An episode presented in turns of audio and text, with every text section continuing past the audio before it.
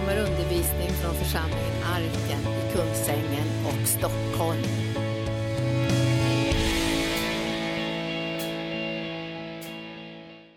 Yes, far, vi tackar dig just nu för din, din smörjelse här den här kvällen. Vi tackar dig för din närvaro Fader. Vi tackar dig för din kraft Fader. Vi prisar dig att genom Jesus Kristus så bara flödar dina välsignelser över oss Fader. Genom Jesus Kristus så är himlen öppen alltid Fader. Och därför prisar vi dig Fader att vi har bara bara tillgång till dig hela tiden Fader. Vi tackar dig att för 2000 år sedan så bröt du igenom för oss Fader. Eh, eh, för 2000 år sedan så pressade Jesus igenom för oss och inte vi behöver pressa mer Fader. Utan vi tackar dig att allting bara flödar av nåd genom Jesus Kristus. Och vi bara tackar dig Fader för den underbara frihet som finns i Jesus Kristus. Bara just nu Fader. I namnet Jesus. Vi tackar dig Fader för din smörjelse och din kraft. I namnet Jesus. Amen. Yes. Väldigt underbart och, och eh, det är helt okej. Vi gillar att Gud gör folk glada, så jag gillar sånt. Det, det är en av, av frukterna av evangeliet är att man blir glad. Va? Och för er som var med på bibelskolan så vet ni det att Jesus säger att han vill ge oss bönesvar för att vår glädje ska bli fullkomlig. Ja, men det, det står så. Jag vill, jag vill att ni ska kunna be om vad som helst i mitt namn och att ni ska få det. För att ni ska kunna vara glada. Så det är väldigt fint med evangeliet på det sättet. Det sätter fri, det upprättar, det helar. Och eh, en sak som är så underbart, vet ni, jag tänkte jag skulle tala lite grann om det ikväll här. Eh, eh, och, och, och så, det är ju det här med identifikation. För, för att, du vet, det är så mycket som försvinner när man tror evangeliet. Allt det här jagandet efter en ny smörjelse, nästa genombrott, nästa väckelse, nästa skeende. Det är bara brutet i Kristus därför du lever i, ett, i kontinuerlig favör tillsammans med Herren. Du har strömmar av levande vatten som flödar alltid. Du behöver aldrig gå igenom en ökenperiod när du har Jesus. Därför att från honom flödar livets vatten, livets källa hela tiden. Det är bara att du, det är bara att du dricker. Vet du. Och en sak som är så fantastisk med evangeliet, vet ni, det är ju att, att, att vi blir som väldigt identifierade med Jesus. Så jag ska läsa någon vers här som, eh, som jag har predikat över förut här, men det är någonting som bara har, har gripit mig så starkt. Va? Kanske också på grund av att jag, när, när jag satt, eh, när jag satt eh, inne då för min tro här i, i, i fängelse så, så, så, är det så att då, då eh, eh när du inte har någon lovsång, och du inte har någon bibel, och du inte har någon församlingsgemenskap och alla förutsättningar eh, som vi kan ta för givet inte finns, då blir det en annan sak som är väldigt viktig. Och då har vi första Korinthierbrevet 6 och 17 som säger så här.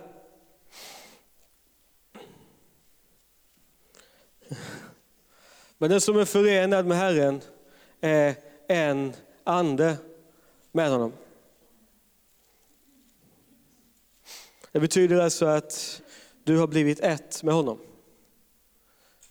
Och jag, har ju, jag brukar alltid använda den här bilden av te. Jag är ju kanske mer kaffemänniska själv då, men te är en väldigt bra bild. Därför att, du vet, du och Gud, ni var separerade och skilda åt kan man säga på ett sätt. På ett annat sätt var ni inte det egentligen, för hela mänskligheten är i Kristus. Men, men, men, men, men du upplevde en separation. Så har du en, en mugg med varmt vatten och så en tepåse jämte. Det är två olika saker. Men sen när du stoppar eh, tepåsen i vattnet så, så mixas vattnet och teet och då säger du inte längre, jag har en mugg med varmt vatten. och, så, och så lite te. Utan det har blivit något helt nytt. Du kan ju mixa mjölk och socker i det där också så blir det liksom en vätska. Det blir te. Så är det med dig och Gud. Om någon är i Kristus är han en ny skapelse.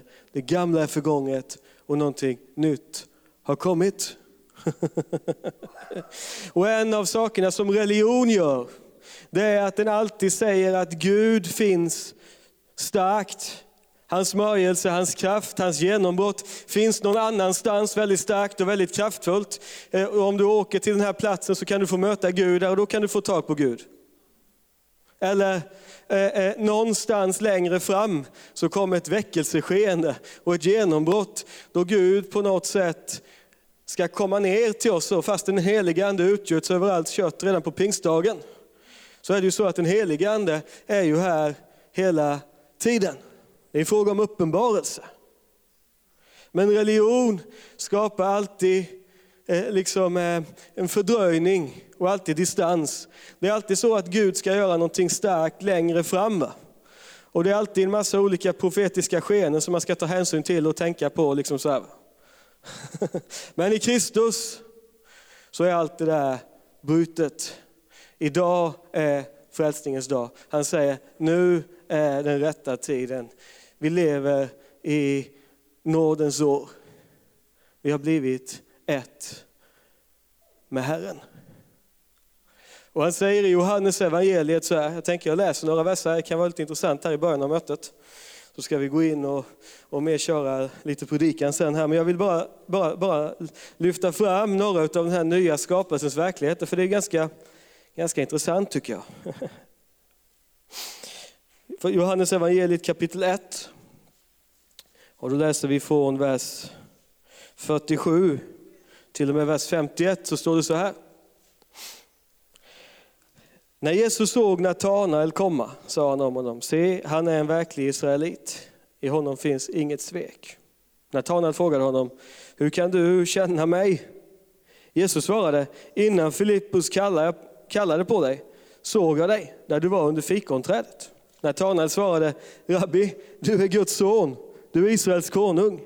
Jesus svarade honom, därför att jag sa att jag såg dig under fikonträdet tror du. Det som är större än detta ska du få se. Sedan sa han till honom, amen, amen säger jag er, ni kommer att få se himlen öppen och Guds änglar stiga upp och stiga ner över Människosonen. Så Jesus säger till Natanael, du jag såg det där du var under fikonträdet, du är en sann israelit utan svek. Och Natanael blir helt häpen. Och Jesus han ungefär har inställningen, okej, okay, du köper det här, du, du blir helt förundrad över att jag ger dig ett kunskapens ord som avslöjar lite detaljer om ditt liv. Du kommer få se någonting mycket, mycket häftigare än det här. Du kommer få se himlen öppen över Människosonen och Guds änglar som stiger upp och stiger ner. Var bor Människosonen idag? Han bor här inne. Vet du. Det betyder att du har en öppen himmel hela tiden. Innan jag förstod evangeliet så jobbade jag väldigt mycket på att få ett nytt genombrott. Men numera så tänker jag mer att Jesus bröt igenom för mig för 2000 år sedan. Va? Då avväpnade han andevärldens första och väldigheter. Då bröt han makten av fienden. Då öppnade han himmelen. Jag behöver inga mer genombrott. Jag behöver inte bryta igenom i anden, för det är redan färdigt. Och smörjelsen flödar genom, över mitt liv, genom mig, hela tiden. Därför att jag är en ande med Herren. Hans kraft är där hela tiden. Och det är väldigt, väldigt skönt att leva utifrån det. Vet du. Det är väldigt, väldigt skönt. Jag förstår att det finns saker man kan be för. Jag förstår att det finns saker man kan inte. Och det, det är jättebra att du gör det. Kör på, absolut. Men det är väldigt fint att inte glömma bort Jesus i sin kristendom av och till. Kan man tänka på ibland. Det är ju ändå, det är ju ändå han som är liksom grunden för det här. Du är bärare utav smörjelsen, du är bärare utav Guds kraft. Du har blivit ett med Jesus och du lever under en öppen himmel där änglarna kliver upp och ner hela tiden. Så det betyder att där du går, där finns en öppen himmel och det betyder att Gud alltid kan göra mirakel genom ditt liv. Precis när som helst.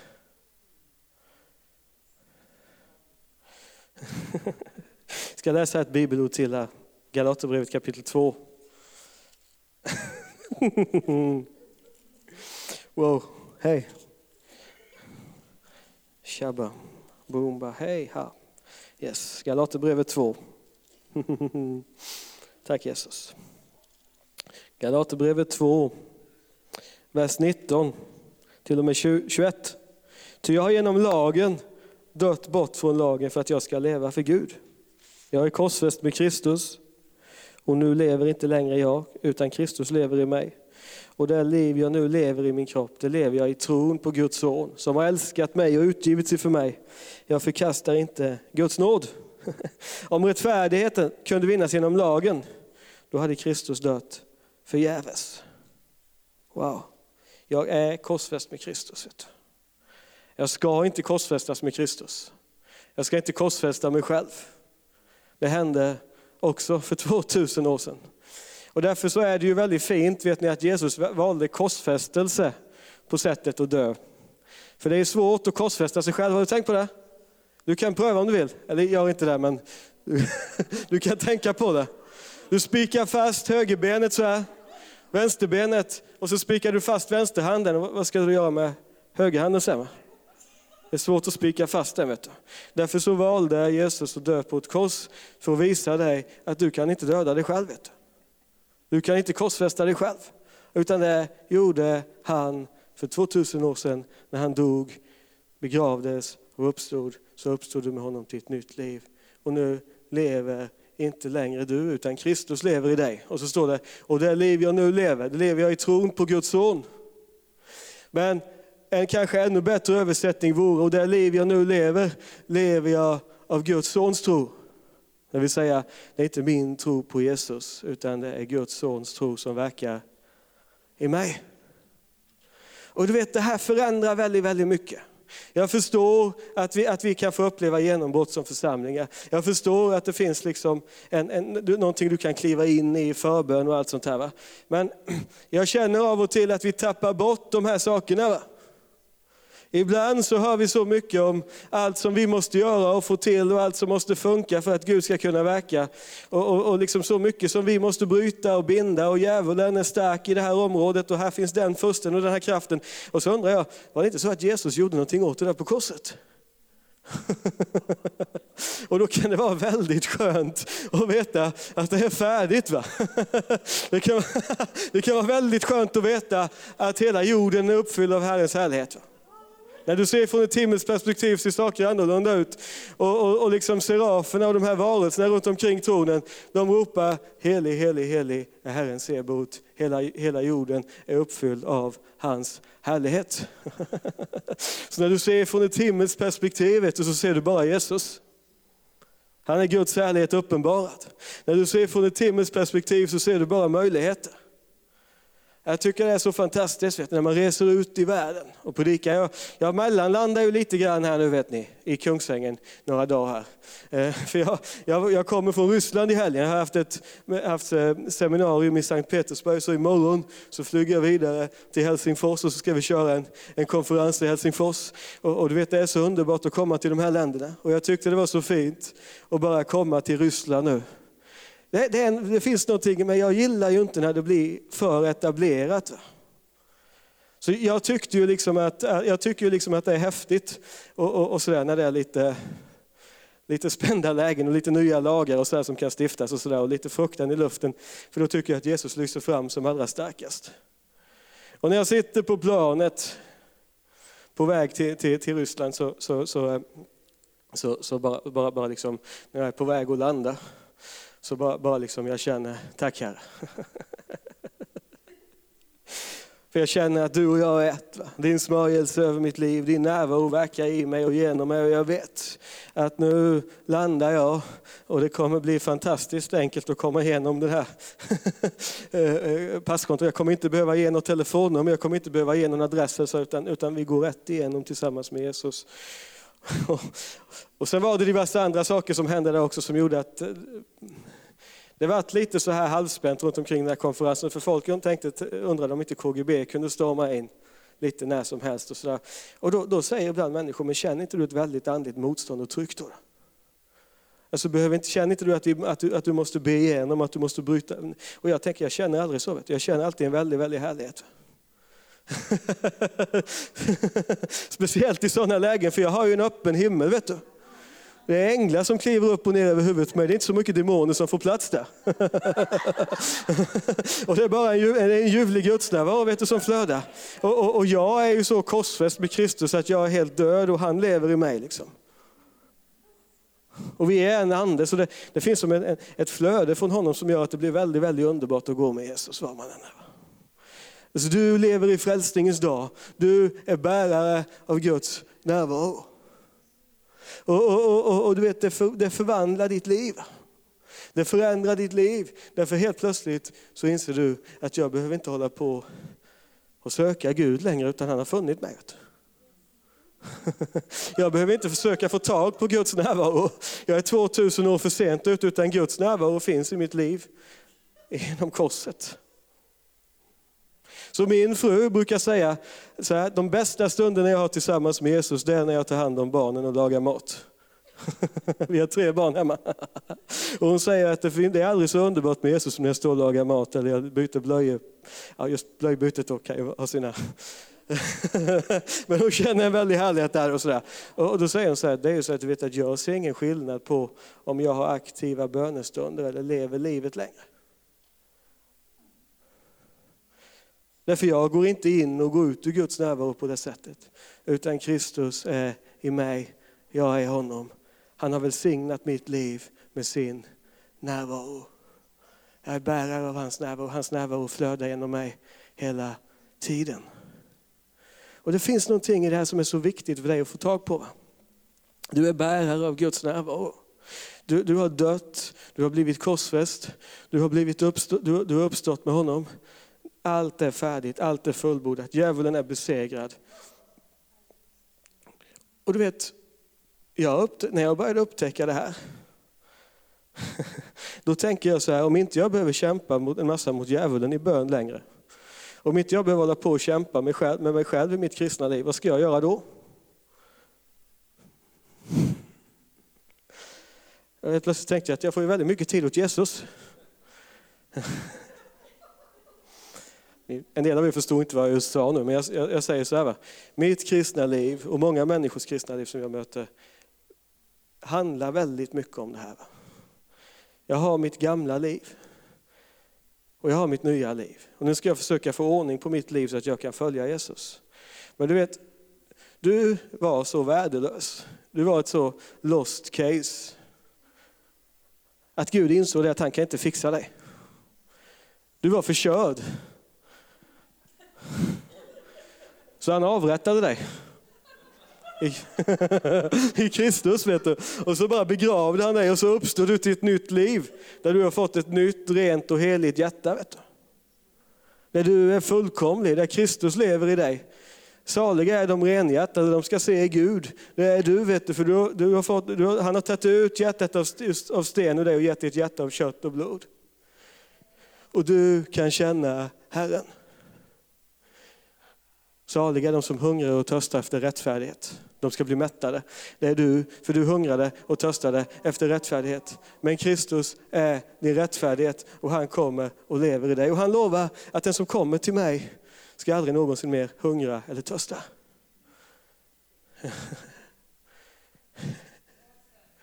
Så ibland frågar människor mig så här, men är inte du väldigt hungrig efter mer av Herren? Och jag bara, nej. Jag fick hela fullheten i Kristus jag kan dricka av honom när jag vill. Jag kan festa av honom när jag vill. För du vet, Jesus sa att den som kommer till mig ska aldrig någonsin hungra eller törsta mer. Vet du varför? Därför att du har fått hela fullheten av honom i dig. Du kan dricka och äta hur mycket du vill, när du vill. Strömmar av levande vatten flödar genom dig hela tiden. Du behöver aldrig mer ha en torr dag i hela ditt liv. Ditt nyktra, gamla, torra jag blev korsfäst med Kristus. Vet du. Och så blev du en ny skapelse. Och den nya skapelsen är inte speciellt torr. Utan den nya skapelsen är fylld av den heliga Ande. Där flödar det nya vinet hela tiden. Och du kan bara dricka. Vet du. Och jag bara känner, jag vill trycka på det här lite grann. Därför att det är så här, jag har upplevt så mycket av att människor som inte greppar det här tänker alltid att någon gång någon annanstans kan jag tjäna Gud. Någon gång någon annanstans när mitt liv ser bättre ut. Jag menar Gud har en kallelse på mig. Men sen fick jag barn. Och nu vet inte Gud vad jag ska göra längre. Så nu måste jag vänta 15 år tills barnen har vuxit upp och jag kan känna honom. Ja, jag, jag fick ju en kallelse från Gud, men sen har jag ju ett jobb också. Nu har jag inte tid att göra det Gud har kallat mig till, så någon gång längre fram. Va? Just nu går jag bibelskola. Och någon gång om tre, fyra år när jag är färdig, så kanske Gud kan göra någonting. Men vet du vad problemet är? Och jag säger det här, jag skojar lite nu då, men jag säger det här samtidigt med väldigt mycket kärlek. Därför att jag märker ju att människor som går och bär Guds hela fullhet inom sig, som har en öppen himmel, som har dött och blivit begraven och uppstått där Kristus lever i sig, fortfarande går med en massa dåligt andligt självförtroende. Och tänker att jag är inte där att Gud kan använda mig. Och jag, jag, försöker inte säga att inte jag tror på, på väckelse eller genombrott i nationen nu. Jag försöker inte säga att inte du får be eller att inte du kan ha tuffa tider ibland. Jag har ändå suttit i fängelse i ett och ett halvt år för Jesus. Men vad jag försöker säga är att även när jag sitter i fängelse så är inte mitt liv torrt och mörkt. Därför att jag har Jesus. Vet du. Det finns ett flöde, han kunde använda mig även där. Jag kunde, man kan tyda drömmar i fängelset också. vet ni. Väldigt fint så här, muslimer de tror väldigt mycket på det här med drömtydning. Till exempel. Och jag säger att du, du, du, går igenom olika omständigheter. Men när du ser nya förbundet, när du ser identifikationen med Kristus, så blir, kommer ditt kristna liv gå från någon annanstans längre fram till här och nu, därför att Jesus är här. Han är Guds ord, han är Guds nu. Nu, idag är frälsningens dag. Och vet ni vad jag har upptäckt? Så många människor går med ett, tungt ok, med ett väldigt tungt ok över sitt liv. Och så tänker de så här, Martin, om jag bara hade ett, ett sånt liv som du, att jag fick resa och predika och bara liksom gå upp så här då och då och säga något som ingen förstår men som låter kul så här, så då skulle mitt liv vara bra. Om jag bara fick resa och predika evangeliet. Om jag bara hade brutit igenom som du, om jag bara hade liksom fått samma möjligheter som du Martin, då skulle Gud kunna verka. Men vet du vad du missar då? Du missar ju att Jesus har kommit in i ditt liv och välsignat ditt liv med sin närvaro. Så att varje dag, varje plats du besöker, varje stund är en plats där Guds kraft är förlöst genom dig. Och många gånger så sker inte helande och befrielse, inte för det att inte Herren är där och för att han inte verkar. Utan för det att vi förväntar oss inte att han ska verka nu. För vi tycker inte att våra omständigheter är bra nog och därför tänker vi, ja, jag ska bara bryta igenom lite mer först. När jag mår lite bättre, vet du, då kan Gud verka. Men tänk om Gud säger att det är inte så viktigt, allt det där. För du har blivit korsfäst och nu lever inte längre du, utan jag lever i dig. Och när jag lever i dig och min kraft är i dig så kan vad som helst hända precis när som helst.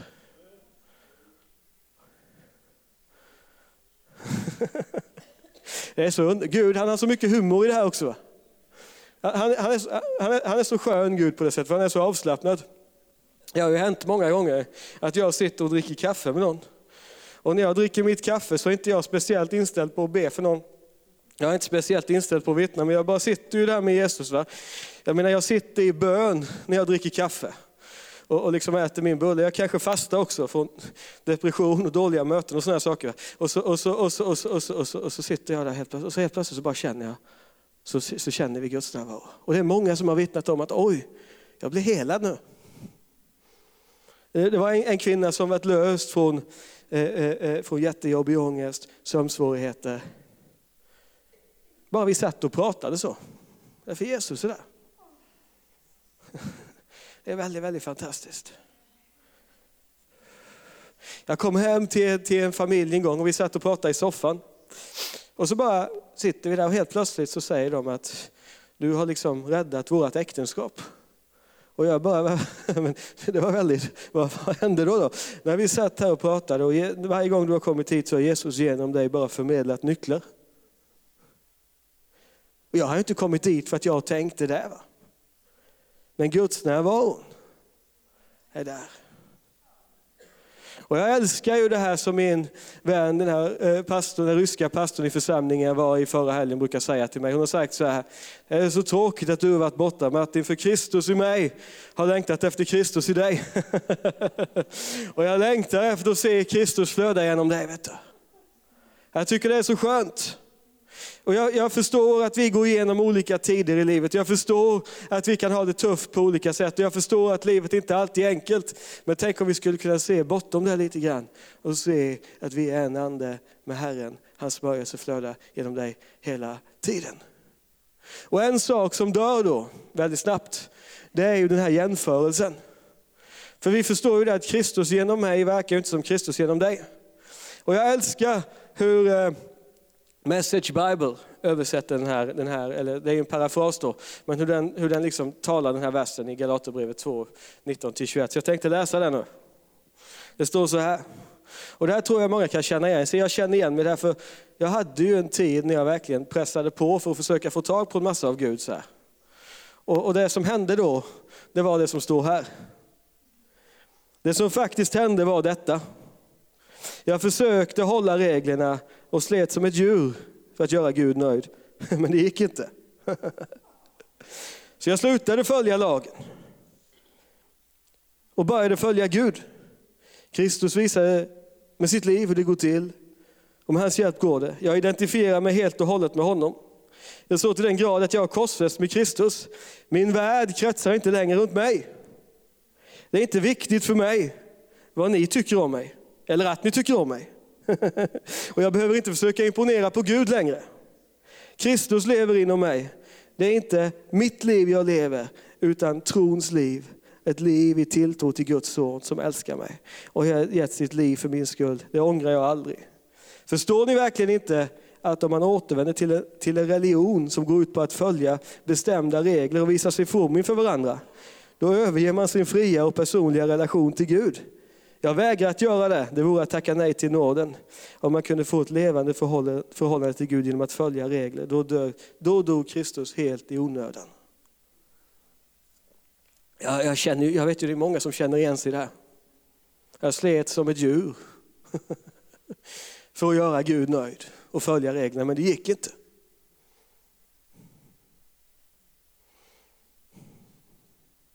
Så jag slutade följa lagen och började följa Gud.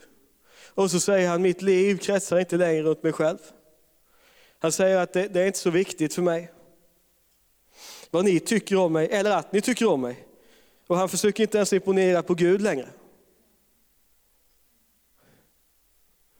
Ibland så säger vi att vi behöver bli fria från att vara människor till behag, och det är ju sant.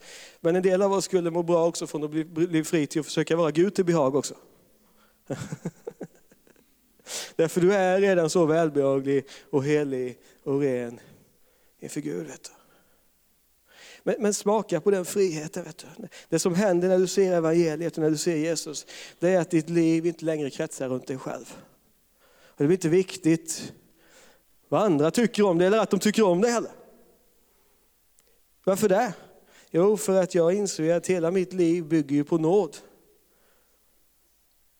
Hela mitt liv bygger på att jag har blivit korsfäst med Kristus egentligen 2000 år innan jag föddes. Va?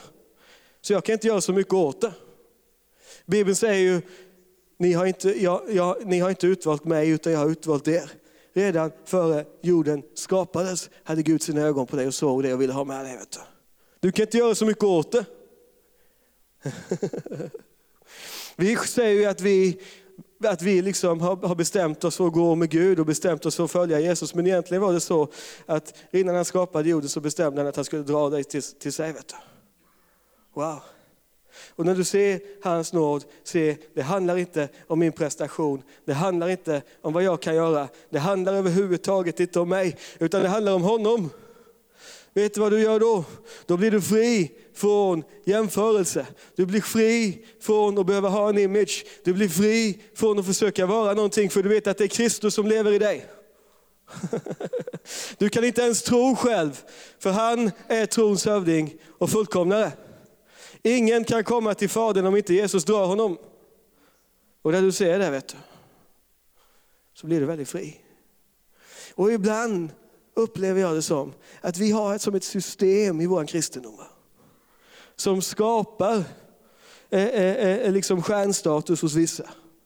Och som gör att vi hela tiden hamnar i jämförelse och hamnar i att vi försöker liksom bedöma oss själva och jämföra oss med varandra. Därför vi tror någonstans att om någon har fått en gåva från Gud eller om någon lever starkt med Gud så är det för att de har, har betalat priset för det. Eller att de själva har gjort någonting för att komma ut i det här. Men vet du, sanningen är den att priset för Guds kraft är så högt och så dyrt att det kan du aldrig betala själv. Utan priset för den heliga Andes smörjelse och Guds kraft i ditt liv, den förlöste Gud.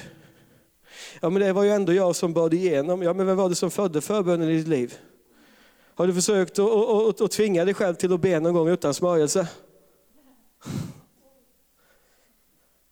Jag vet att bönens ande kommer över dig så blir det starkt.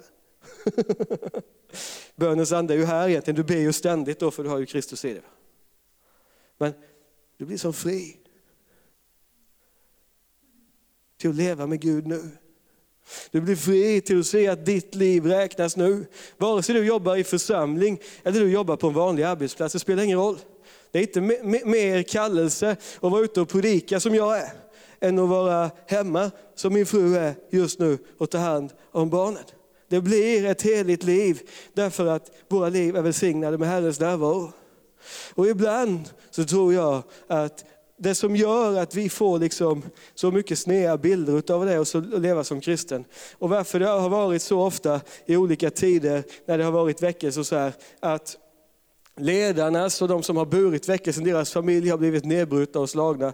Det är för det att någonstans så, så har man den här tanken att tjäna Gud på missionsfältet, att predika, att bota sjuka och att göra alla de här aktiva sakerna är mer heligt och mer rätt än att leva ett familjeliv. Men när Gud har välsignat ditt liv med sin närvaro så handlar det inte om hur det livet uttrycks utan det handlar om Jesus. Och då istället för att fokusera på vad du måste göra, vad du måste få tag på, så fundera på honom som har fått tag på dig. Vet du. Det finns en väldigt, väldigt frihet i det här. Och du får också tag på evangeliet på ett sätt som gör att du behöver inte hålla på och jämföra dig. Vet du. Fundera över, har jag nog med genombrott? Är jag bra nog? Är jag häftig? Jag har insett att jag är inte så häftig som folk tror. Jag skrev till Helsingfors imorgon och folk annonserade vet ni, på Facebook. Så var det någon som skrev att kom till Helsingfors, det kommer bli livsförvandlande. Martin kommer. Och jag tänker det är kul att jag kommer dit men det är bra om Jesus kommer också. Och det är klart. och det gör han ju för vi är ju en ande, så där jag går, där går han. Va? Men, men, men någonstans så ligger det livsförvandlande inte i att jag kommer utan i att han dyker upp. Va? om bara jag kommer så blir det rätt tråkigt. Det är bra om han dyker upp också, men det kommer han att göra för han finns här inne. vet du. Vi är ett, va? Så det, vi kan inte liksom separeras ifrån varandra han och jag. Men, men, men, men poängen är att det är väldigt, väldigt gott att leva fri. Leva Jesus fokuserat. Fri från sig själv, fri från jämförelse. När du ser din identifikation med Kristus så ser du också alla andras identifikation med Kristus och då bryts makten utav jämförelsen. Jag skulle läsa också någonting ifrån eh, eh första Korinthierbrevet kapitel 4, här, i, i, också i messageöversättning faktiskt. Och jag vet att det är en parafras och jag vet att, att det finns säkert de som har sina åsikter över att jag använder Message Bible här, men jag vet också att ni får en dos av folkbibeln i varje annat möte och sen kan ni läsa vilken översättning ni vill hemma. Så ni får liksom ta nu att jag ta några verser ur Message Bible, för jag tycker det är så, det är så, det är så skönt på något sätt där. Första Korinthierbrevet 4, och så läser vi de första verserna. Det står så här. Tro inte att vi ledare är något vi inte är. Vi är Kristus slavar och inte hans herrar. Vi är vägvisare till Guds mest storslagna hemligheter, inte vaktposter som ska driva bort folk. En bra vägvisare måste vara pålitlig och kunnig. Det spelar inte så stor roll vad ni tycker om mig och ännu mindre vad folk i allmänhet anser. Jag har inte ens någon egen åsikt om mig själv. Det är helt meningslöst att jämföra sig med någon i de här sakerna. Jag tycker att det är en sån häftig en sån häftig stil som Paulus har när han, när, han talar om sin tjänst. Det blir så Jesuscentrerat. För han säger Eh, eh, eh, det spelar ingen roll vad ni tycker om mig och ännu mindre vad folk i, all, vad folk i allmänhet anser, anser. Och så säger han det är helt meningslöst att hålla på sådär. Va? Och tänka vem har störst församling. Va? Det hände ju i hela veckan så höll de på att jämföra vem har störst tält och sådana saker. Men det, det, är inte så viktigt. Om vi har 10 på mötena eller 150 på mötena, det är inte det viktiga. Utan det viktiga är ju att Jesus får verka. Och det bara finns en sån ljuvlig smörjelse i det här. Det finns en sån ljuvlig frihet i det här. Varför kunde Paulus säga så? Jo, för han förstår att jag är korsfäst med Kristus och nu lever inte längre jag. Det handlar inte om mig. Det handlar om Jesus. Det handlar inte om min tjänst, min vision, mina gåvor, min personlighet, att jag ska få utrymme, utan det handlar om att han som lever i mig verkar. Wow. Och så, så, så talar han om den apostoliska tjänsten här, sin apostoliska tjänst Paulus, lite längre ner. Och i folkbibeln så står det att vi har blivit ett skådespel för världen. Men jag tycker Message säger det här så bra. Va? Jag har mediterat över det här så många gånger. Det står så här. Är inte allt du har och är rena gåvor från Gud? Så varför hålla på att jämföra och poängsätta varandra på det här viset? Ni har redan allt ni behöver. Ni har mer tillgång till Gud än ni kan hantera. Utan vare sig Apollos eller min hjälp har ni redan nått världstoppen. Ni sitter på Guds topp och kikar ner på världen. Och vi sitter där bredvid er. Och säger så här, det känns som om Gud har ställt oss som sprider hans budskap på scenen till en, i en teater som ingen vill köpa biljetter till. Vi är något som alla ställer sig och glor på. som en olyckshändelse på gatan. Vi är Messias missanpassade tokstollar. Ni kanske är säkra på er själva, men vi lever i svaghet och osäkerhet. Ni är kanske uppskattade av andra, men oss sparkar man oftast ut. Ofta har vi inte tillräckligt att äta, vi går i lappade och slitna kläder, man slänger dörrar i ansiktet på oss. Vi tar ströjobb vad som helst för att få ihop till livets nödtorft. När folk svär åt oss svarar vi, Gud välsigne dig. När de sprider rykten om oss talar vi väl om dem. Vi behandlas som sopor och som samhällskökets potatisskal. Och inte blir det bättre med tiden. Mm. Det är så mycket nåd i det här. Så ljuvligt vet ni, hur Paulus beskriver sin apostoliska tjänst. hur han beskriver hur det är att liksom stå, i, stå i tjänst för Gud. Tänk om jag hade presenterat mitt CV så. Jag har faktiskt gjort det vid något tillfälle, bara på skoj. De sa, kan du, kan du beskriva om du, skriva någonting om dig själv, brukar de säga, för en kort presentation. Och till några vänner så ska jag skicka den här versen till dem.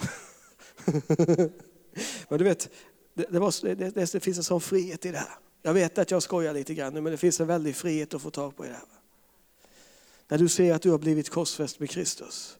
När du ser att han accepterar dig, han älskar dig, hans nåd över ditt liv hans närvaro över ditt liv, då blir inte det här med att få utform, utrymme, få plattform, eh, eh, få, få, få, få, få, liksom, få tag på någonting och, så här, i, och liksom lyckas göra andlig karriär, det blir inte viktigt. va? Utan det viktiga är att Jesus får verka igenom mig. Och du blir fri från jämförelse. Och jag har känt att jag vill ta det här lite grann ikväll, för jag märker så många, så många troende som kämpar med det här. Va? Om jag hade samma förutsättningar som den. Tänk om mitt äktenskap var bättre. Tänk om jag eh, eh hade mer kunskap i Bibeln. Tänk om mina barn var snällare. Tänk om jag fanns på andra sidan jordklotet där Gud verkligen är.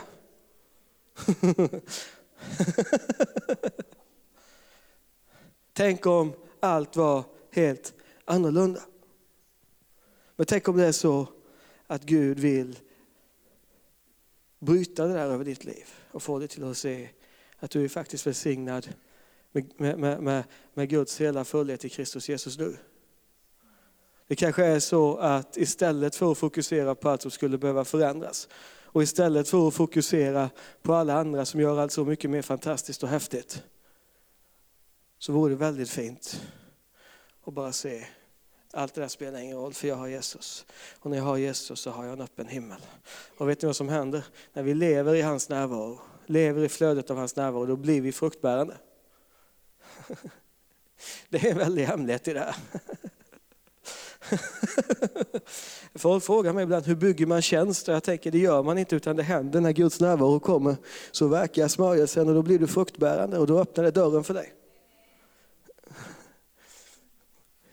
Förut när jag slet som ett djur för att hålla reglerna och för, och för, för att lyckas få till det som vi läste om tidigare, då hände inte så mycket. Vet ni. Utan det som hände då var mest att jag blev frustrerad på mig själv som inte lyckades få till det. Och eftersom jag var frustrerad på mig själv så blev jag frustrerad på alla andra också som inte bad och gjorde tillräckligt och sådär. Och, och så blev jag sur och så blev jag så här jobbig. Därför att jag levde väldigt mycket med fokus på mig själv. Och fokus på mig själv blir som ett ekorrhjul som jag aldrig kommer ur. Jag var ju inte bra nog vet ni. Och det är samma sak med dig. Och därför så korsfästes du i Kristus. Du begravdes och du uppstod till ett nytt liv och Jesus lever i dig. Och idag är frälsningens dag. Nu är den rätta tiden. Det finns ingen anledning till varför inte Gud nu skulle kunna använda dig. När du sitter på bussen på väg hem från det här mötet till att se en massa sjuka heller. Det finns ingen anledning till varför inte du skulle kunna träffa någon som du profeterar över och som får sitt liv förvandlat. Därför att Kristus verkar igenom dig. Och det är samma sak med tjänst. vet du. Tjänst handlar egentligen om att Kristus uttrycker en del av sin karaktär genom ditt liv. Paulus säger, eh, eh, eh, eh, jag har arbetat mer än de alla, men dock inte jag utan Guds nåd som har varit med mig, flödar genom mig. Och när Guds nåd flödar genom mig, så flödar den på ett annat sätt genom dig. Och när Guds, flöd, eller flöd, Guds nåd flödar genom dig, så flödar den på ett annat sätt genom mig. Men det är samma Jesus. Vi tog ju bilden av te här innan. Te, te är ju te, men te kan ju komma i lite olika smaker. Och det är ungefär det som är vår kallelse, att olika delar av Kristus uttrycks genom oss. Du är kanske mer profetisk, du är mer apostolisk, du är mer evangelistisk. Mer herde, mer lärare eller vad du nu är. Men det handlar om Jesus.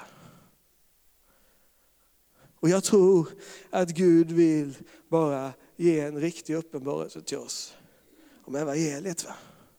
Kristus i oss. Det föder en sån väldig vila i det här. Va? Det som har kommit in i trons vila får vila sig från sina egna gärningar.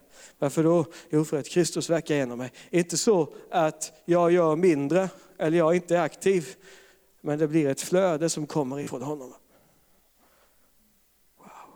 Och när det här flödet kommer så blir det inte så kämp kämpigt och prestationsartat. Jag tänkte på det nu i helgen, här, söndags. Vet ni. Jag tänkte jag hade haft en konferens och jag var trött på söndag morgon och tänkte jag predikar två möten. sen lägger jag mig tidigt så jag kommer hit till arken och är laddad. Vet du. Men du vet hur det brukar vara när man är ute i missionen, Göran, det händer sällan så som man, man planerar riktigt så. Utan vi börjar ju där vid klockan 12 då, så hade vi möte då till klockan 4. Och så började nästa möte vid fem skulle vi börja, men vi började halv sex istället och vi fick lite extra rast där. för Vi skulle åka genom hela stan på en start på 10 miljoner så att vi var tvungna att liksom, ja, det, det, vi fick lite tidsstöd där helt enkelt och ryssarna de har ett annat tidsperspektiv. Det var väldigt skönt. Så hade vi möte där, jag predikade, sen så ställde vi upp allihop och profeterade över dem i, höll på ungefär fyra timmar och bara profeterade över folk så och sen efter det så sa de, nu ska vi ha ledarträff här. Så klockan fem på morgonen så var vi färdiga så jag kunde lägga mig. Och förut så har jag tyckt bara att profetera över folk i fyra timmar. kan ju vara lite så här slitsamt. och predika liksom och, och, så kanske KGB kommer och tittar in och sådär också, Men det vill man ju inte heller. Så. Eller man får bjuda på kaffe då, men, men, men slipper hästar. Gud älskar dem också, alltså, men, men, men, men, men, men, det blir en sån skillnad vet du, när du vilar dig från dina egna gärningar och du ser att det är Kristus som flödar genom dig. Det blir en sån skillnad. För det, spelar, och det, spelar, alltså, det, det, det blir en sån skillnad när du ser att det är Jesus som gör verket. Förut så hade jag ju mycket tanken att jag kunde vara ett hinder för Guds kraft, så jag tänkte att när jag mådde bra, då kunde Gud verka. Men när jag inte mår bra, då måste jag vänta tills jag mår lite bättre innan Gud kan verka. Problemet är ju bara att det finns ju en massa människor som behöver hjälp även när jag inte är på topp. Jag är korsfäst med Kristus, mitt liv kretsar inte längre runt mig själv. Det handlar inte om hur bra jag är just nu, vad jag har fått till just nu, vad jag har lyckats med just nu. Utan jag har samma flöde, samma Jesus hela tiden. Därför kan samma hjälp flöda till människor hela tiden. Och jag känner att det finns en utmaning i det här. Va? Jag älskar ju det Jakob säger i Jakobs brev. Närma er Gud så ska han närma sig er. Han talar ju inte om avstånd här. Därför att du är en ande med Herren. Och det är inte så att han är uppe i himlen och du ska på något sätt försöka klättra upp i himlen och hämta ner honom. Det säger ju Romarbrevet att det behöver vi inte göra, utan ordet är oss nära i vår mun och i vårt hjärta. Så här. Men vad är det han säger? Jo, han säger det, närma dig Gud så ska han närma sig Ni bor i samma hus, ni är ett, ungefär som mitt äktenskap. Men vet ni vad jag har upptäckt? Man kan bo i samma hus och man kan sova i samma säng och man kan vara ett och dela livet men ändå inte ge varandra någon uppmärksamhet och då är det som att man lever i skilda världar i alla fall. Jag märker ju det många gånger när vi möter människor som har äktenskapsproblem. Någonstans för länge sedan så tappade de den här, den här liksom kommunikationen. Va? Och så bor man tillsammans, men nu lever man som om man inte är ett längre. Och samma sak kan det vara med dig här. Du vet, han bor här inne. Guds hela fullhet bor ju på din insida. Vet du. Men det är lätt att glömma av det. Det är lätt att komma in i ett sånt här tänk att Gud finns någon annanstans. Va? Men faktum är att, Gud, att, att, att, Jesus vill att vi ska, säga, att vi ska vända oss till Gud och ge, ge honom uppmärksamhet. Därför att när vi ger honom uppmärksamhet och vi ser att han finns här inne, då förändras vårt perspektiv och ser på saker. Då händer saker som inte vi trodde skulle vara möjliga i det naturliga. Då kan Gud flöda hela tiden. Då kan smörjelsen verka var du än är. Därför att du har ju all smörjelse du behöver vet du, i Kristus. Den heliga ande kommer ju inte i, som i portioner, va? utan den heliga ande kommer ju som person. Det är inte så att den heliga ande kommer i vissa delar. Så, så när Kristoffer blev frälst så fick han halva den heliga ande. Men sen måste han pressa in för att få tag på resten av heliga ande. Utan den heliga ande kommer ju som person. Hela den heliga ande kom. Det är inte så att halva Jesus kommer till dig och så när han hänger på korset säger han, det är nästan färdigt. Men nu måste du göra resten själv för att det ska bli riktigt bra. Utan han säger att det är så färdigt så att det är helt färdigt och han bär herradömet på sina skuldror för dig. Så när du lägger dig och sover ikväll så har Jesus full koll på läget. Vet du. Och Guds rike utbreder sig åt höger, åt vänster och överallt runt omkring dig. Och sen så får du vara med av nåd. Men det är väldigt skönt att se att man kan få vara fri. Och jag möter så mycket människor, de kommer till mig så här, säger så här. Jag sitter på Facebook och så ser jag alla de här fantastiska människorna ute i världen som har bett med hundratusen till frälsning den här veckan.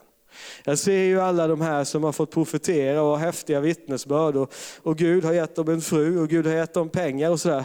Och, och jag känner ju liksom att vad händer i mitt liv? Det man kallar liksom Facebook-depression, en andlig variant. För jag ser hur häftigt alla andra har det och hur jobbigt jag har det. Det är ju det här jag försöker säga, att du är löst ifrån den sfären vet du. För du har det jättehäftigt när du har Jesus. Och, och du vet djävulen han kommer som brödernas åklagare. Och vet du vad han försöker tala om för dig? Att titta på de här andra som har fått till det så fantastiskt, som har gjort det så fantastiskt. Och titta på allt underbart som de har i sitt liv. Och så Det går inte så bra för dig, eller hur? Titta på, på, på, på eh, alla de här fantastiska genombrotten i missionen och så sitter du här hemma. Du skulle ju varit där ute nu. Känner igen de här, ni känner inte igen de här tankarna? Det hjälper väldigt sällan att gå och tänka så, om man ska vara helt ärlig. Vet du varför han kommer på det sättet? Därför att det står att han kommer som till Adam och Eva för att lura oss bort ifrån den enkla och rena troheten till Kristus. Hur gör han det? Du är ju för smart. Om han skulle säga till dig, Ingmar till exempel, att jag vill att du ska gå ut och leva ett liv i homosexualitet. Då skulle inte du göra det. Förhopp, förhoppningsvis. Nej, det är bra. Nej. Det är ju så uppenbart. Så det är inte så fienden kommer för att fresta oss. Eller för att lura oss bort från den enkla troheten till Kristus. I alla fall inte i de flesta fall. Utan vad han kommer och säger är så här. Ditt liv är inte riktigt bra nog. Du ska inte tro att Gud kan använda dig så som du är. Du måste ju skärpa till det lite först. Du måste titta lite på dig själv först. Och så går vi tillbaka under lagen som vi var gift med innan vi var gift med Kristus. Och när vi går tillbaka in under lagen då begår vi ett andligt äktenskapsbrott mot Kristus. Vet du, då flödar det inte så mycket välsignelse. Vi har dött ifrån den sfären. Vi har dött bort ifrån lagen. Vi lever med Kristus. Hans smörjelse, hans kraft flödar igenom oss. Men jag har upptäckt att när du börjar liksom leva Guds närvaro, praktisera Guds närvaro, Eh, uppleva Guds närvaro, då blir ditt liv en plats där välsignelsen flödar. Och då kan du liksom inte låta bli. Det bara öppnar sig för dig, vet du. Det bara händer. Därför att du är fokuserad på hans närvaro i dig, vet du. Och när du är fokuserad på hans närvaro i dig och du upplever hans närvaro och du, vet, du, är, du hänger med Jesus liksom. Som vin, grenarna hänger i vinträdet där, så flödar livet från vinträdet in i grenarna och då bär grenen frukt. Inte för att grenen har pressat på och sagt, nu ska jag pressa fram frukt här. Det är väldigt sällan en gren behöver pressa för att bära frukt. Just hang out in the wine. Häng bara i vinträdet så löser det sig. Vet du. Det blir så mycket skönare då. Jesus flödar. Och du vet, det blir som att man kommer som inte, nästan inte ihåg. Jag, jag har ju, min fru får påminna mig ibland, de här, kan du berätta för mig lite mirakler som hände? Va? Vi hade liksom här under en tid, det var flera som var helade från cancer och någon som fick öronen öppnade och sådär. Och, och, och liksom, alltså, det, det blir, jag glömmer av det. Va?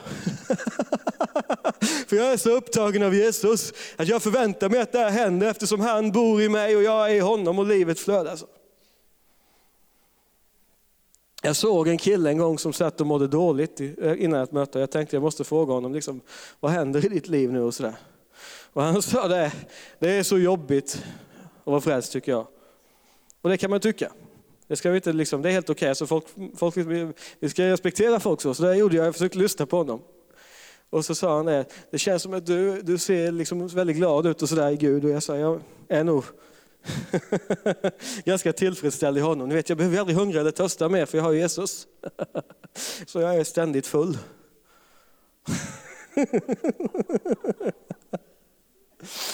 Eh, så, och, och, och, sådär. och då, då, då, då sitter han och säger det, jag har inte känt någonting.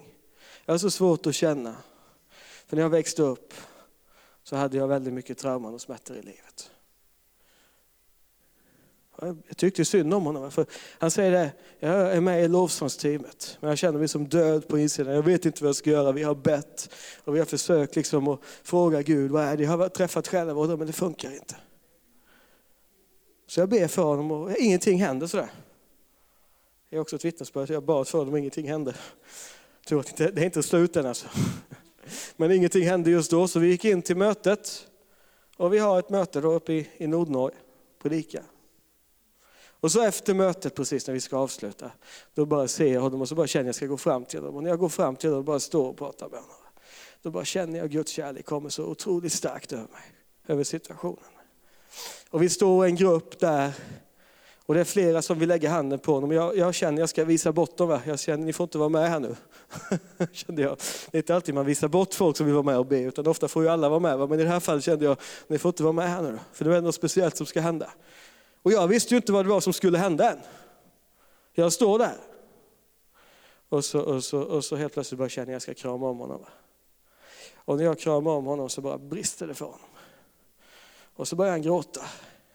Och så gråter han, och så gråter han, och så gråter han, och så gråter han. Och han har ju aldrig tyckt om att krama om någon förut och sådär, utan han har ju varit en, en riktigt sån här tuff typ då. Och så, men han gråter och gråter och gråter. Och när jag står och håller om honom så, får, så sitter ju hans fru och tittar på. Och hans dotter sitter och tittar på. Och för dem har ju det här varit jättejobbigt att ha en make och en pappa som har så, så väldigt svårt att visa känslor. Så bara verkar Gud. Och det sker inte bara ett helande i hans liv, det sker ett helande i familjens liv. Och jag har träffat honom flera gånger efter det och de säger, vi har fått en ny pappa, en ny make. Han säger, jag har blivit ny. Jag kan uttrycka känslor. Och sist jag träffade honom så kom han fram och säger, jag tycker väldigt mycket om dig Martin. Med tårar i ögonen. Och det, det, är inte likt honom. Jag ser många sådana här mirakler. Jag var i Storuman och predikade. Och mötte en tjej där emellan mötena. Jag vet ju inte att hon precis har liksom haft en otrolig kris och tänkt ta livet av sig. Tappat hoppet. Och jag känner mig inte speciellt andlig. Jag kände mig ganska trött för jag hade just ätit hamburgare och sådär.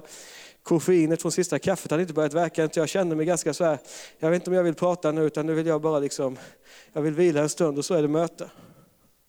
Pratar vi. Helt plötsligt så, så, så, så verkar Jesus. Så bryter han makten av, av, av, av den där hopplösheten, självmordstanken. Och Gud reser upp henne igen. Det är underbart vet ni, att se vad Jesus ska göra. Och jag vet att fastän jag står och berättar det här för er och sagt hela predikan, att det handlar om Kristus i mig och jag är korsfäst med Kristus och jag lever inte. Himlen är öppen över mig därför att Jesus har gjort det. Så vet jag att det finns de som säger, ja Martin han har en väldigt fantastisk smörjelse. Det är väldigt speciellt, en bönemänniska, en, en speciellt helgad överlåten troende. Men det var ju inte alls sant. Det är sant att det är en speciell smörjelse, men den smörjelsen har du också. Sant att det är en väldigt speciell frälsare, men den frälsaren bor i dig också. Och vet du vad som händer när du börjar tro det här, när du börjar se det här? Det är att då blir varje dag en möjlighet när Gud kan verka. Det blir varje dag en möjlighet när Gud kan använda dig. Då spelar det inte så stor roll vad typ av tjänst du har. Om du står här sitter bakom mixerbordet, du jobbar som undersköterska, du jobbar på kontor eller vad du gör. Det är inte det som är det väsentliga. Utan det väsentliga är att ditt liv är helhet därför att Kristus finns här inne. Och han kan använda dig var du än är. Du vet, det är en nyckel till dig som kämpar med din kallelse. Jag säger det här innan vi avslutar. För en del människor de har ju en otrolig kamp över vad är Guds vilja för mitt liv. Och alltid kämpa med vad är rätt och vad är rätt väg att gå. Och så här. Men Gud är lite, du vet, han bygger lite mer stabilt än så. Om han, hela hans plan för ditt liv skulle bygga på att du alltid väljer rätt, så, så skulle det vara på ganska bräcklig grund. Och det som skulle hända är att hans plan för det skulle krascha rätt fort. Jag vet att du är jättebra och sådär, men, men det är fortfarande så att ditt, den här plan, så du vet Guds vilja för ditt liv är inte liksom en, en, en sjustegsplan, utan Guds vilja för ditt liv är en person. Guds vilja för ditt liv är Kristus. Han är ditt liv. Och i relation med honom så växer allt det här med tjänst fram. I relation med honom så växer allt det här med gåvor och kallelse fram. Jag har berättat det här förut här någon gång när jag har predikat för er. Men I vår församling så, så var det ju en jätteutmaning då uppe i norr. Vi är ju väldigt mycket barnfamiljer. Och det var flera av de här, de kom till mig vet ni, så många och sa att jag tycker vi har inte tid att be och vi har inte tid att vara med Herren för det är träningar och det är barn och det är liksom en massa saker som händer hela tiden. Så kände jag att jag måste ju bara ge dem evangeliet. Va? Du är väl aldrig utan Kristus, utan han är ju med dig hela tiden. Så när du står där på, på träningen och tittar på, eller på matchen och tittar på ditt barn och du står, du vet, då kan du bara vända dig och dricka. Hans närvaro är med dig. Ibland när vi spelar tv-spel hemma, jag och killarna, vi gör det rätt ofta, jag tycker om det. Och de också då. Ja. Jag spelar när de har gått och lagt sig också, jag tycker det är kul. Men ibland så sitter jag och bara tänker, nu när jag sitter och spelar tv-spel så spelar Jesus med mig. Och han ger mig smörjelse så jag vinner den här matchen på NHL. Ja. Jesus, han är min seger. Amen. Men rätt som det är när jag sitter där och så känner smörjelsen, då bara känner jag helig ande. Och så blir jag så drucken att jag har svårt att hålla i fjärrkontrollen. Eller dosan. Och, så- och så förlorar jag mot mina barn.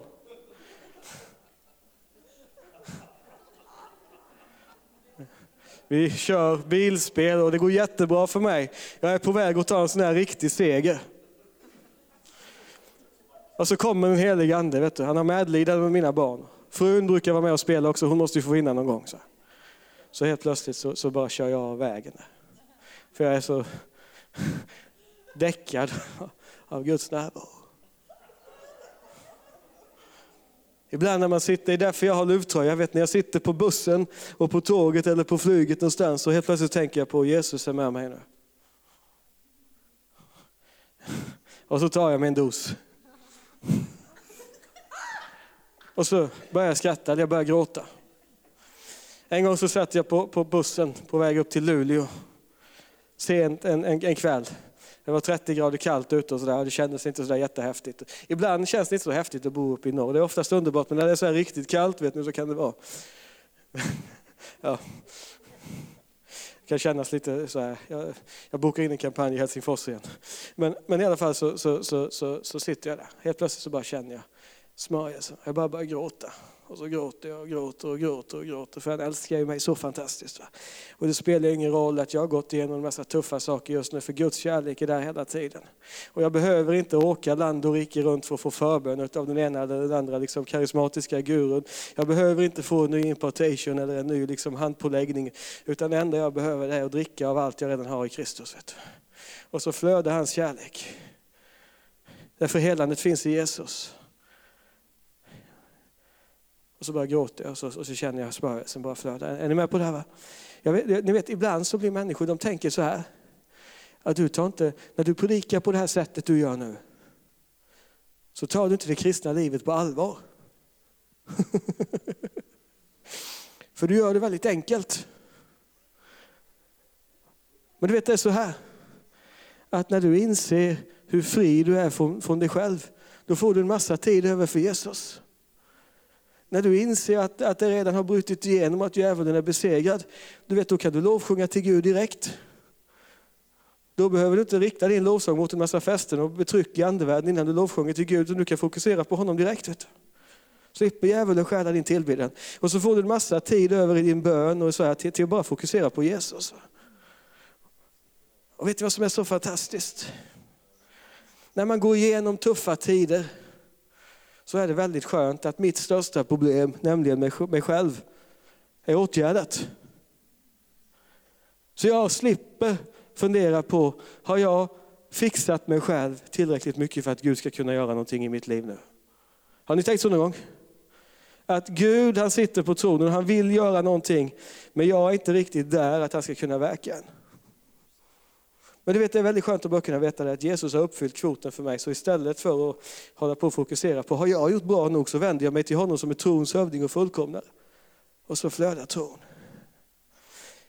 Och jag bara kände den här kvällen att jag ville bara tala om och tala ut hur kvalificerad du är till att tjäna Gud just nu. Därför att jag kände att det, att det fanns en massa tankebyggnader på det här området här som säger någon annanstans, längre fram, längre bort, när du är i rätt sammanhang, när du har fått förbön av rätt person. Allt sånt där. Och det, det är klart att det har sin plats. va. Jag tar gärna förbön så ofta som möjligt. Jag går gärna igenom alla möjliga bönetunnlar och gör alla möjliga grejer så här. Jag har inget emot det. Men de här tankebyggnaderna som kommer.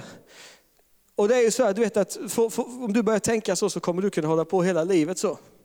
För det finns alltid någonting mer som måste göras och alltid någonting mer som måste hända först.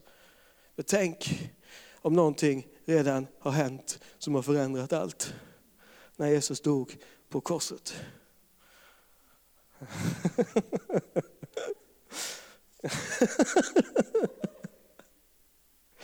Vet, ibland, ibland så ber vi för mycket.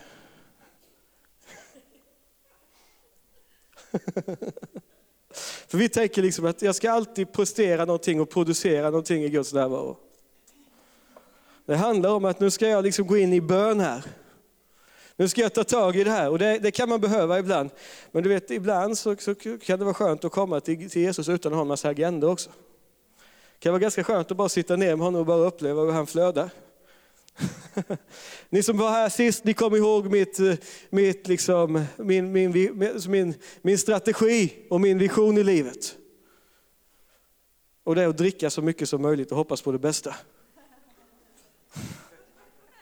Ja. Hans kraft och hans smörjelse verkar. Kommer flödet. Jag fokuserar på honom. Och som en frukt av den relationen så öppnar sig allt annat så här. Jag bara känner att, att Herren vill förlösa någonting i ditt liv. Där, vet du. Och då kan du göra som Paulus, bara väldigt enkelt säga. Det är så här det är just nu. Vi, är som, vi känner oss som Guds missanpassade tokstollar. vi, vi, det är som att vi står på en teater som ingen vill betala biljettet för att se. Liksom. det känns som att vi har bort oss fullständigt här, men vi tackar dig Fader att du har full kontroll i alla fall.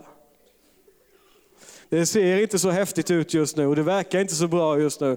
Men tack för att våra liv är övernaturliga ändå, för, för din närvaro. Det är ju liksom, man går igenom olika tider, ibland får man bära mycket frukt. Va? Och just nu så har, vi, så, så har vi väldigt mycket öppningar i nationen och får se väldigt mycket, Gud göra väldigt mycket. Jag kommer ihåg, kommer ihåg det med när vi stod i Jakobsberg med kafébordet? Det såg inte lika häftigt ut då va?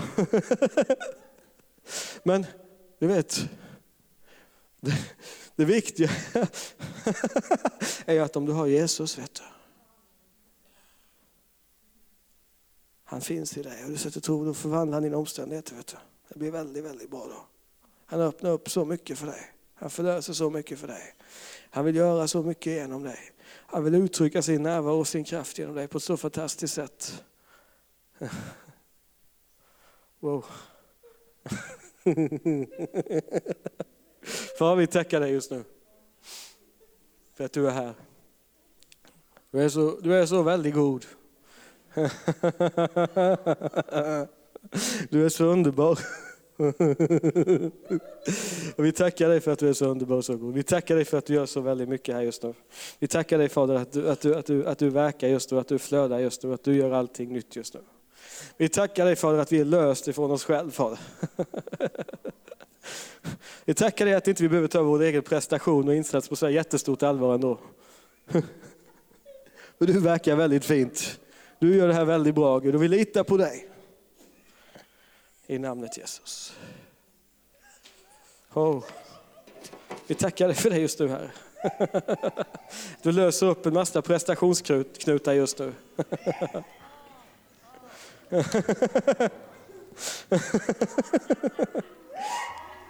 Tack Fader för en ny smörjelse just nu.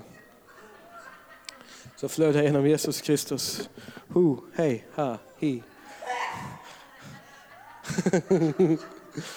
Boomba, bamba, hi, hej, ha. Shikande. Yes. Yes. Tack Jesus. Tack Jesus. Tack Jesus. Tack Jesus. Tack Jesus. Tack Jesus. Tack Jesus. Du vet, i allt det här jag säger nu, det är väldigt allvarliga saker, ska du veta. Men ibland så talar man om det här på ett väldigt smalspårigt sätt. För alltid när vi lyfter upp evangeliet, då tänker folk att det här handlar om att vi måste ut och vittna, vi måste, vi måste göra det på ett visst sätt och så blir det bara en ny grej. Så här. Men du vet, Kristuslivet är väldigt kreativt. Han är inte så enkelspårig som man kan tro, vår Gud. Han är inte så mycket för religiösa ritualer egentligen och så här, upprepningar och så. Han gillar kreativitet och variation väldigt mycket. Va? Så när Kristus uttrycker sig genom dig så ser det väldigt annorlunda ut än han gör det genom mig. Tack och lov. Det vore inte så kul om hela världen var full med sådana som mig. Va? Utan när Kristus uttrycker sig genom dig så kan det se väldigt annorlunda ut. Jag älskar ju att fara till nationerna och predika och vara i sådana här situationer som i Ryssland här till exempel. Och det ska bli så kul att åka till Finland imorgon. Lovsjunga på finska och säga Kitos Jesus och så här. Underbart. Ja, ja, precis. Genombrott. Läpp. Halleluja. Men, men, men, men, men, du, vet, du vet det fantastiska. det, det är ju att det finns ju, det finns ju de som har en helt annan längtan. Va? Min fru sa alltid det och jag tyckte det var så kul. Vi satt uppe på kontoret en gång, men, jag och Linda och så var det några till i personalen. Eh, och de berättade om allt de drömde om från Herren. Och så sa min fru så här. Jag har bara en sån dröm om att vara hemmafru. jag har drömt hela mitt liv om att vara hemma och ta hand om barn och ta hand om hus och ta hand om hem. Och det låter ju inte så häftigt att stå och säga som en livsvision. Men jag ska säga det att jag har sån respekt för det. Vet du. Det hon gör och det hon bara står i. Det är ju det som gör att jag kan vara ute så här. Och det är som vi säger ofta det, happy wife, happy life. Vet ni. Du vet, det är inte kul att ha en sur fru. Det ska ni ta med er. Det är gott att ha en glad fru, det har jag lärt mig att komma hem. Det känns mycket roligare att komma hem då man har en glad fru. Men du vet, du vet, det är också ett sätt att tjäna Herren. Ibland gör vi det här med tjänst väldigt smalspårigt. Va? Överlåt dig åt Gud. Och då vet man att sen betyder det att då ska du komma och tjäna i församlingen. Och ju mer uppgifter du gör i församlingen, ju mer överlåten är du åt Gud. Det finns någonting, absolut så tror jag på att så in och ge in och välsigna sitt lokala sammanhang.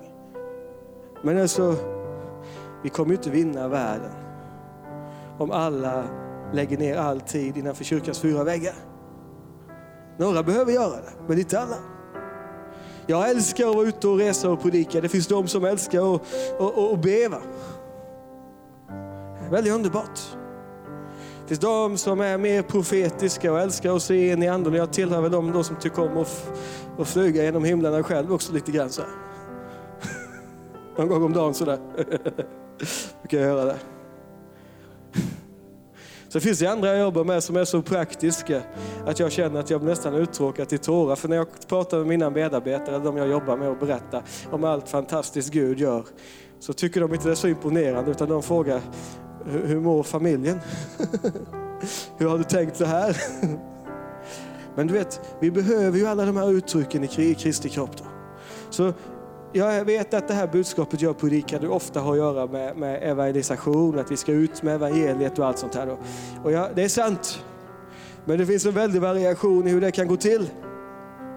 Och ibland tänker jag att det kunde vara bra att inte bara tänka vår vision utan ha Guds vision lite i fokus också. Va? Guds vision är ju en kropp som fungerar och det betyder ju att, att, att inte alla lemmar gör samma sak utan Kristus uttrycker sig väldigt olika genom oss. Och det älskar jag också med att komma till olika församlingar. En del församlingar ser ju så olika ut så att det, det, är, det är gripande.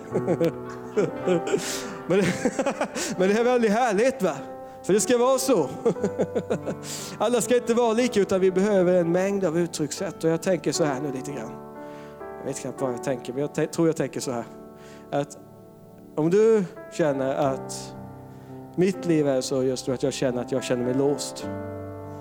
För jag går någonstans med de här tankarna ändå och känner att det var väldigt mycket häftigare när jag jobbade i församling. Det var väldigt mycket häftigare förut. Eller det känns som att det kan bli väldigt mycket bättre längre fram. Eller det känns som att bara mina omständigheter förändrades så kan Gud göra någonting. Då skulle jag bara vilja lösa det från de tankarna jag står. Och istället för att tänka så, ska vi lyfta blicken lite och se på Jesus och se vad kan hända nu? Han ska få verka genom dig nu. Du ska få öppna upp dig för Kristus i dig och genom dig nu. Det finns bara en sån ljuvlighet i det. Vet du.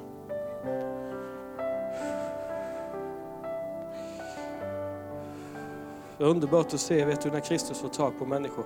Jag har sett det så många gånger i våra församlingar. Jag tänker på en person i vår församling nu som har gått ett helt liv och inte upplevt något övernaturligt alls nästan.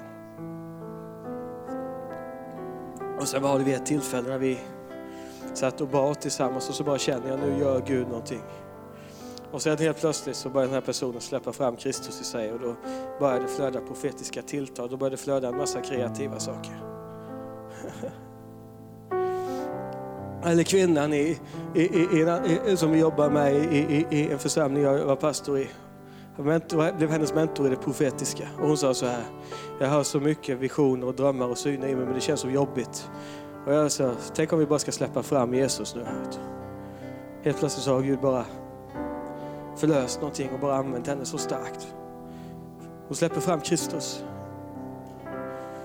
Du kanske inte vet vad du är kallad till riktigt. Du kanske inte vet vad du ska ut i härnäst. Men tänk om vi bara skulle släppa fram Kristus nu. Det spelar inte så stor roll. Utan det viktiga är att Guds vilja med ditt liv är Kristus. Och han verkar i och genom dig så att du kan komma ut i frihet. Så att du kan komma ut i det han har för dig. Det är väldigt, väldigt underbart. Jesus, Jesus, Jesus, Jesus, Jesus, Jesus. Han är vägen, sanningen och livet. Han är början och slutet, han är målet. Han är substansen. Det är han som sammanhåller allt och i honom finns allt. Tack Jesus. Tack Jesus för flöde just nu. Tack Jesus för frihet just nu. Tack Jesus för liv just nu Fader. Bara ber dig att du ska beröra människor just nu.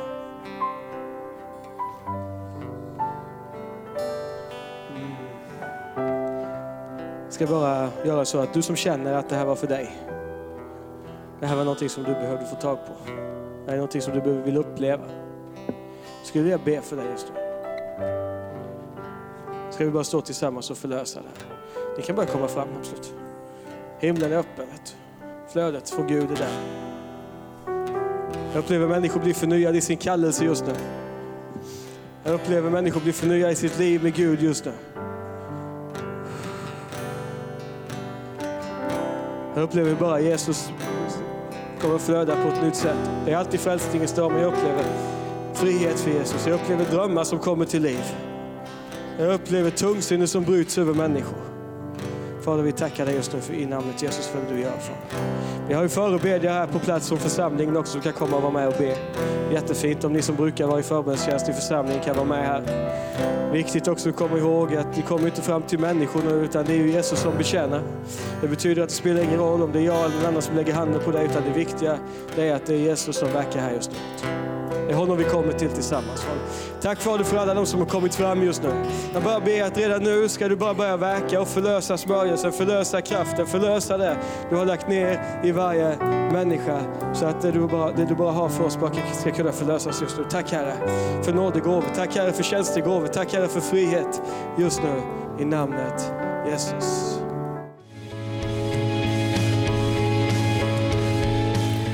Tack för att du har lyssnat. Vill du få del av mer information om församlingen Arken, vår helande tjänst, bibelskola och övriga arbete, gå in på www.arken.org.